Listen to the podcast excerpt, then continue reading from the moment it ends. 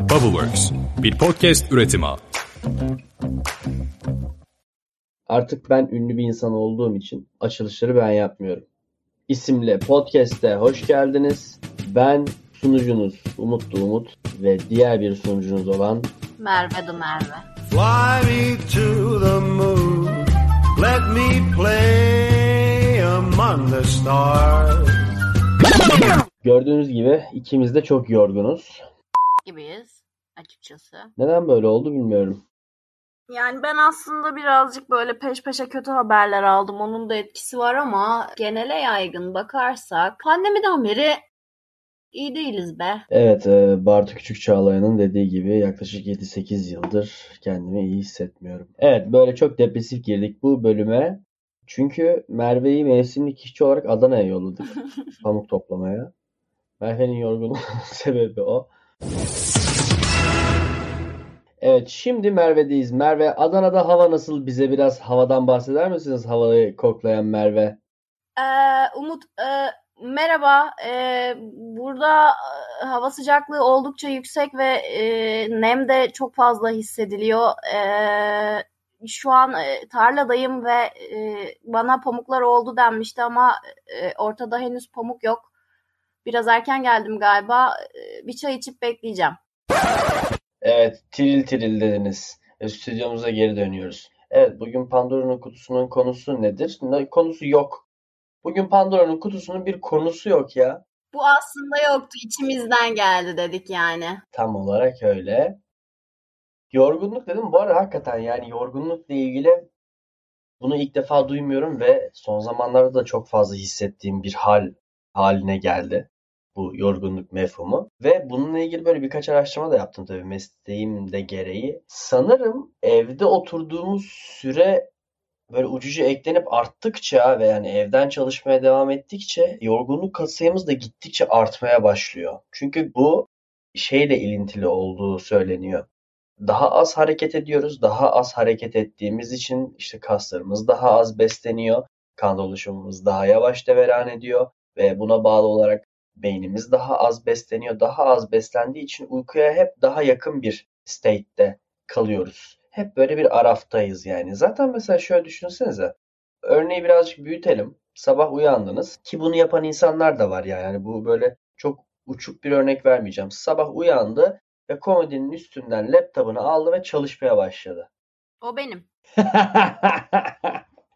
O benim yani. Evden çalıştığım süre boyunca özellikle saati 9'a 5 kalaya kuruyorum.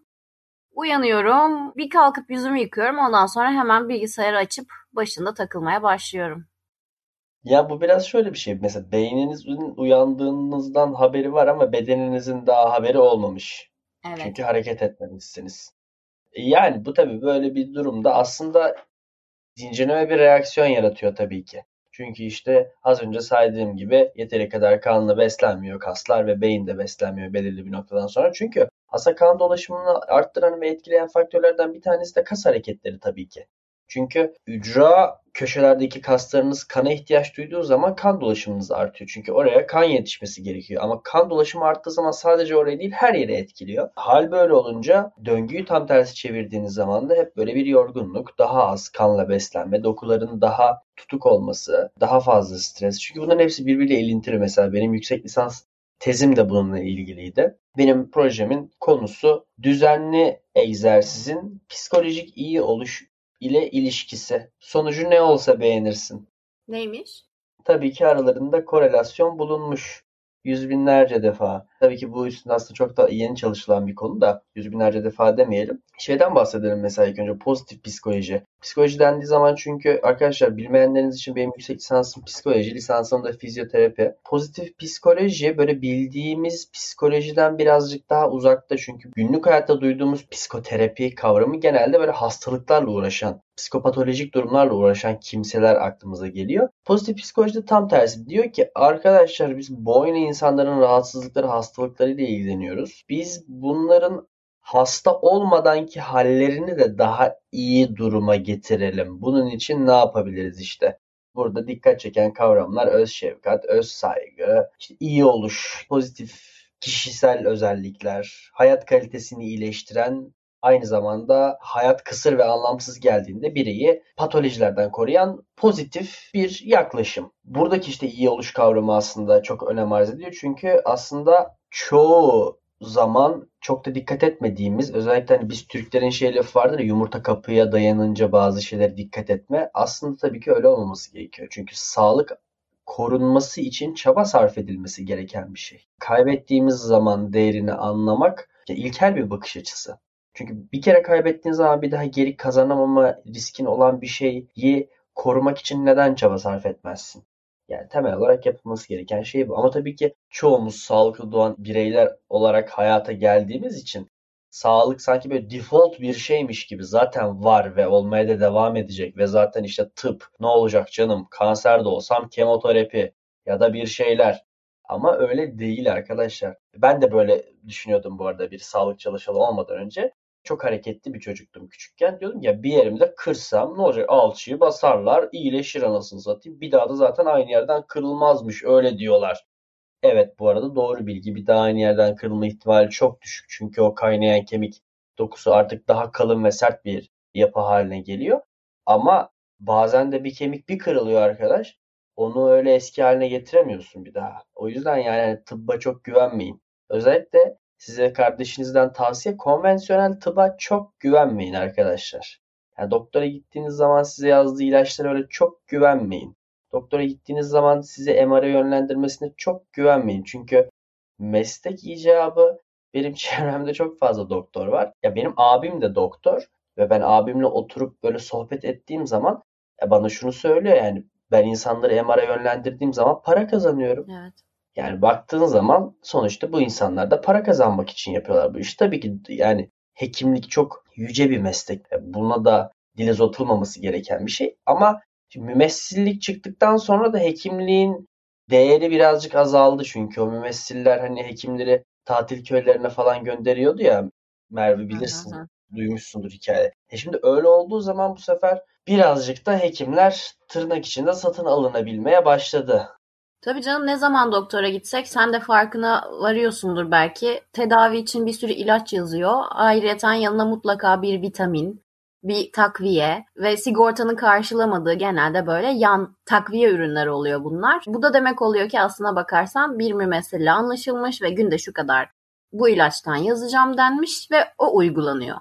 Bunu hep görüyoruz aslına bakarsan.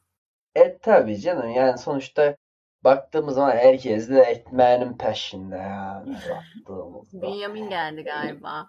Yani, ya çünkü bak bu insanlara da kızamazsınız arkadaşlar. Çünkü yani nasıl ki bunu dinleyen sen bir şekilde bir maddi ekonomik bir kaygı besliyorsun. Yani yaşanılan hayattan maddiyatı soyutlamak mümkün bir şey değil.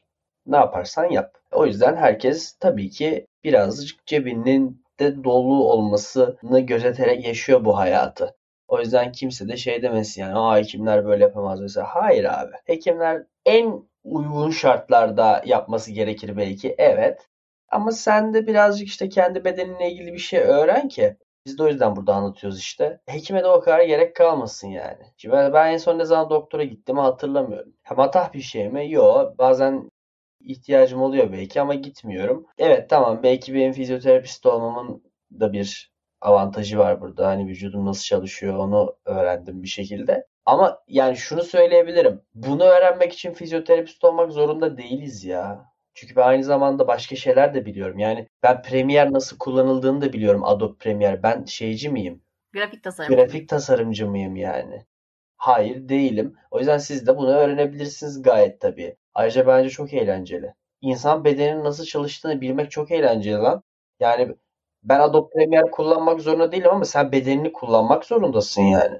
Aynen öyle. Bunu bilmek için doktor olmaya da gerek yok, fizyoterapist olmaya da gerek yok, psikolog, psikiyatr olmaya da gerek yok. Çünkü hani bu sensin, bu senin makinan, bu seni ileriye götürecek olan bir şey. Var olman buna bağlı.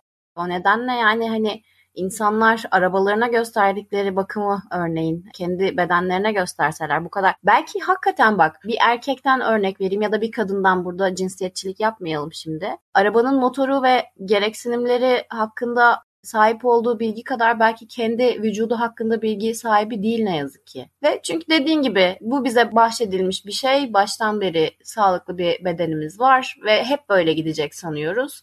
Çünkü baktığın zaman bir noktaya kadar hani özellikle 30-35'li yaşların sonuna kadar herhangi bir sağlık sorunun yoksa normal sağlıklı bir vücuda sahipsen hani hiç ben bunun hakkında ne yapmalıyımı çok fazla sorgulamıyorsun ne yazık ki. Evet, aslında mesela buradan şunu da söyleyeyim. Eğer bunu sorgulamayan ve bunu sorgulamaya yaklaşmayan bir insan şu an bunu dinliyorsa ve şunu diyorsa, ulan bunlar da işte buradan böyle bir prim yapıyorlar ya falan. Arkadaş ben bunu sorgulayan insanlar için anlatıyorum zaten. Dinleme. Ne yapayım? Ben ne yapayım şimdi yani? Ben böyle bir şeyi aramıyorum ki bütün dünya el ele tutuşalım ve kocaman gezegen büyüklüğünde bir bedenin içine dalalım ve ben size o işte bir tane çizgi film vardı ya otobüste beraber bedenin içine giriyorlar. Ben size bedeni anlatayım. Hayır. Bana ne ya? Ne yaparsan yap. Ben dinlemek isteyenlere anlatıyorum işte yani bir şeyler. Şey kaygısı gütmeye başladım ya Merve. Böyle biz çok dinlenmeye başladık ya şimdi. Ya evet. Acaba beni linç ederler mi? Şey ben de tam onu söyleyecektim. İlk dinlemezsen dinleme atarımız geldi. Hayırlı uğurlu olsun. Çünkü biz birazcık dinlenmeye başladık arkadaşlar. Bu programı da biraz onun gazıyla çektik aslına bakarsanız. Hani birazcık sevincimizi paylaşalım diye. Lakin birazcık olumsuz günlerden geçiyoruz. Ülkecek de geçiyoruz orası ayrı da işte tatsız birkaç haber vesaire falan. Yani Merve diyor ki enerjimizin düşüklüğünü mazur görün. Saat de burada 10.30 akşam yani işten çıkmışız biz de bölüm kaydediyoruz arkadaşlar. Ve buradan Bubbleworks medya çalışanlarına, yöneticilerine, pazarlamacılarına teşekkür ediyoruz. Sanki çok fazla isim çalışıyormuş gibi oldu. Zaten öyle. Ve buradan Azerbaycan'daki dinleyicilerimize de selam gönderiyoruz. Buradan Azerice bir şeyler söylemek ister misin Merve? Bele vaziyetin içiniz. Sizi çok seviyoruz. Çok teşekkür ederiz. İlk onunuzdaymışız dinlenme listesinde. Çok mutlu ettiniz bizi. İyi ki varsınız. Kardeş vatana selamlar olsun. Evet ve bizi nereden buldunuz arkadaşlar lütfen Hakikaten bir- ya. beni şu anda Azerbaycan'dan duyan birisi varsa yalvarıyorum Instagram'a yazsın. kutusu Instagram'ına girsin ve bu bölümün altına yazsın. Ben seni buradan buldum diye. Ben bunu çok merak ediyorum. Aga bizi nereden buldunuz? Bizi nereden dinlediniz de ilk beşe soktunuz anasını satayım ya. Bizi nereden nereden buldunuz? Benim yakın arkadaşlarım hala utanmazlar. Buradan onlara sesleneceğim ama muhtemelen bunu da duymayacaklar. Dinlemezlerken siz bizi nereden buldunuz? Siz bizi nereden bulduğunuzu Azerice söylemek ister misin Merve? Siz bizi hardan bulmuşanız. Bir şey herhalde değil mi? Şimdi bu egzersizde iyi oluşun hani şeyini araştırmıştık ya korelasyonunu. Çok fazla etken faktör var mesela çünkü beden ve duygu durum arasında bir ilişki var. Buna somatizasyon deniyor. Mesela şöyle bir çalışma var. Depresyonda olan insanların belirli başlı kalıp postürleri var. Yani mesela daha düşük omuzlar, baş daha öne eğik. Zaten hatta bunun atasözü de vardır yani enseyi karartmak denir. Ense neden kararır? Çünkü başını öne eğersin ve güneş enseye vurur vurur ensen kararır. Kolların ağırlığını taşımazsın, kol salınımın azalır, daha küçük adımlar atmaya başlarsın gibi bir vücut paterni oluşur depresyonda olan insanların. Ve aynı şekilde şöyle bir araştırma yapmışlar. Bu vücut paternine sahip olan depresyon hastaları majör depresyonu atlattıktan sonra aynı paternde durduklarında deneyde onlara ezberlemesi için verilen 10 olumlu 10 olumsuz kelime arasında daha fazla olumsuz negatif anlamda yani daha kötücül kelimeleri ezberde tutabilmeye yatkın oldukları keşfedilmiş. Çok enteresan bir bilgi. Evet yani postürünüzü düzeltin mutlu olun arkadaşlar. Ve tabii ki işte rezilyans kavramına da bakmamız gerekiyor. Burada rezilyans nedir? E, psikolojik dayanıklılık diyebiliriz. Psikolojik dayanıklılık başımıza gelen kötü olayları atlatabilme yetisi. Ne olduk? Biz şey olduk galiba. Merdiven altı terapi miydi o? Bir tane daha podcast vardı ya biz o olduk galiba. Ondan bahsediyorum. İsim verebiliyor muyum ben böyle? Verebilirsin ne olacak ki? psikolojik dayanıklılık hali. Tabii ki düzenli egzersizin rezilyansa da etkisi var ve rezilyans günlük hayatta aslında çok fazla fonksiyonu var günlük hayatımızda. Çünkü Günlük hayatımız dört dörtlük gitmiyor ya çoğu zaman. Hemen hemen hiçbir zaman dört dörtlük gitmiyoruz. Otobüs kaçırıyoruz. Yağmur yağmaya başlıyor. Spor ayakkabıyla yakalanıyoruz. Kırmızı ışığa yakalanıyoruz acelemiz varken. Ya da işte tam asansörün düğmesine basacakken asansör aşağı inmeye falan gibi şeyler.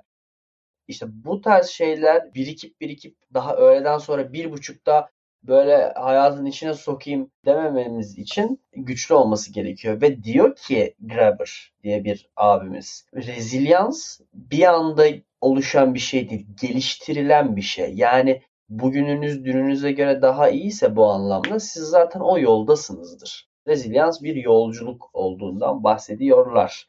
Ve tabii ki işte düzenli egzersizin rezilyansla ilişkisine yani sürekli aslında güçlükle başa çıkıyorsun düzenli egzersizde.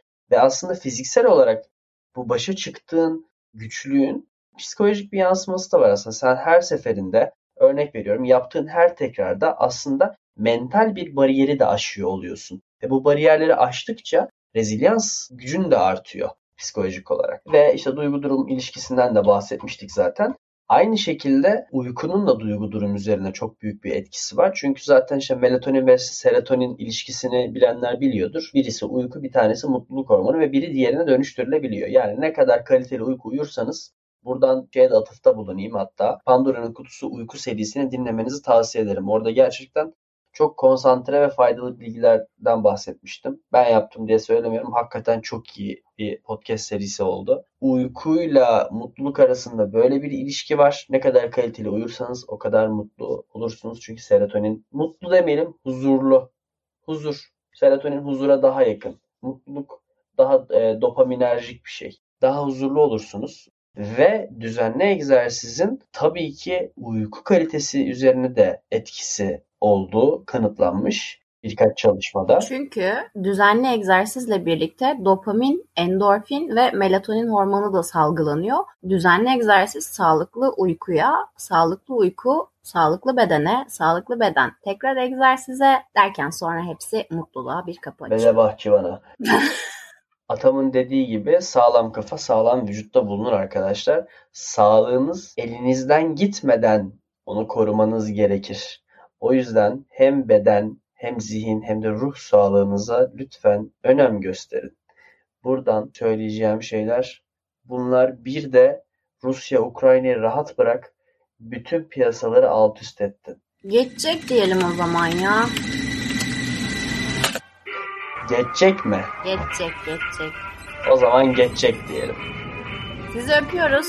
Bu aslında yoktu ama böyle bu bitik halimizle bile sizlere bir bölüm çekelim istedik. Bizi özleyin anacım. Bye. Bu kaçıncı darbe ilk değil ki Düştük evet ama kalkmadık mı Bize hayata meydan okumadık mı Sen ferah tut içini Biz neleri atlatmadık ki Bubbleworks bir podcast üretimi.